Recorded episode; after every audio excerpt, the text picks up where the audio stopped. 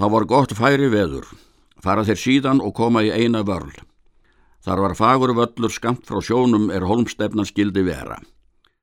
Var þar markaður holmstaður, lagðir steinar utanum. Nú kom þar ljótur með lið sitt. Bjóst hann þá til homgöngum. Hann hafði skjöld og sverð. Ljótur var mikill maður og sterkur. Og er hann gekk fram á völlin á holmstanum, þá kom á hann berserk skangur, tók hann þá að grenja illilega og beiti skjöld sinn. Freyðger var maður ekki mikill, grannlegur og fríður sjónum og ekki sterkur. Hafði hann og ekki staðið í bardugum. Og er eigil sá ljót þá hvað hann vísu.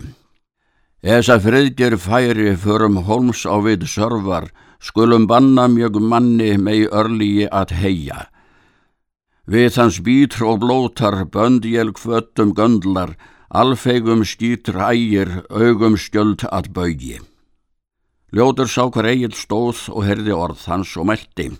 Gagð þú hingað þinn mikli maður á holmin og berst við mig ef þú ert all fús til og reynum með okkur. Er það miklu jafnlegra en ég berjist við freyðger því að ég þykist eigað meiri maður þó ég leggi hann að jörðu. Þá hvað eigil? Ess að lítillar ljóti leikeg við halb leikan við beifteini bænar brinjuð þrétt að sinja. Búum til víks en vægðar vánulætak ef hánum, skapagt verðum við skaldi skæru drenga á mæri. Síðan bjóst Egil til holmgöngu við ljót. Egil hafði skjöld þann sem hann var vanur að hafa, en hann var gerður sverdi því að hann kallaði naður, en hann hafði dragvandil í hendi. Hann gekk inn fyrir mark það er holmstefnan skildi vera, en ljótur var þá eigi búin. Egil skók sverðið og hvað vísu. Höggum hjaltuvönd stygdan, hæfum rönd með brandi, reynum randar mána rjóðum sverð í blóði.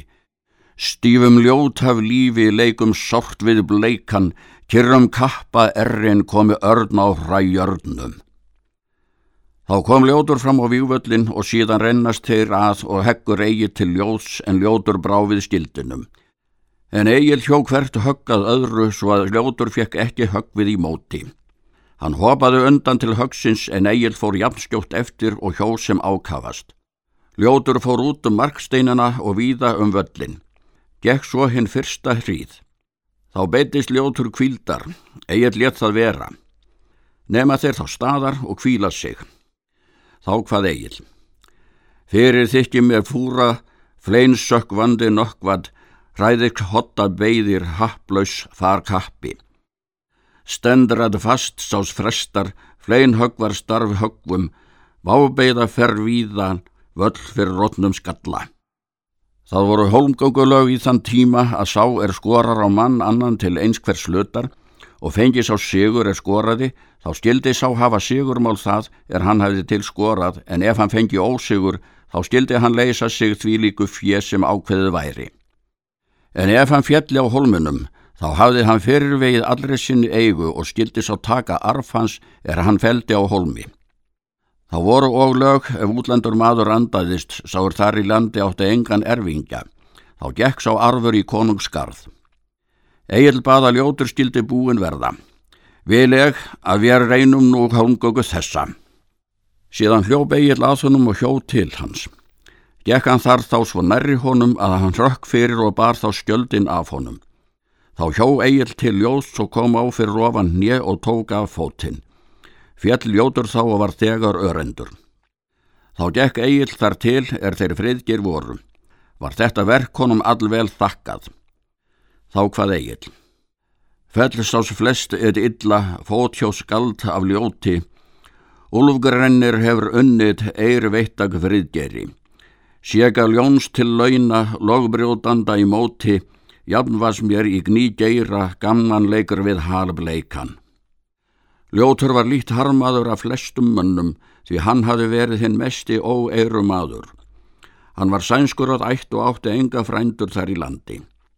Hann hefði komið þangað og aflað sér fjár á holmgöngum. Hann hefði felt marga góða bændur og skorað áður á þá til holmgöngu og til jarða þeirra og óðala var þá orðin stór ödugur bæða löndum og lausum örum. Egil fór heim með friðgeri af holmstefnunni. Dvaldist hann þar þá litla hríð áður hann fór söður á mæri. Stildust er Egil og Friðgir með miklum kærleik. Bauð Egil Friðgir um að heimta jarðir þær er ljótur hafi átt. Fór Egil sína leið og kom fram í fjörðum. Þaðan fór hann inn í sogn á fund Þorðar á Irlandi. Tók hann vel við honum. Var hann fram erindi sín orðsendingar hákonar konungs. Tók Þorður vel ræðum Egils og hétt honum liðveislu sinni um það mál. Dvaldist Egil þar lengi um vorið með Þorði.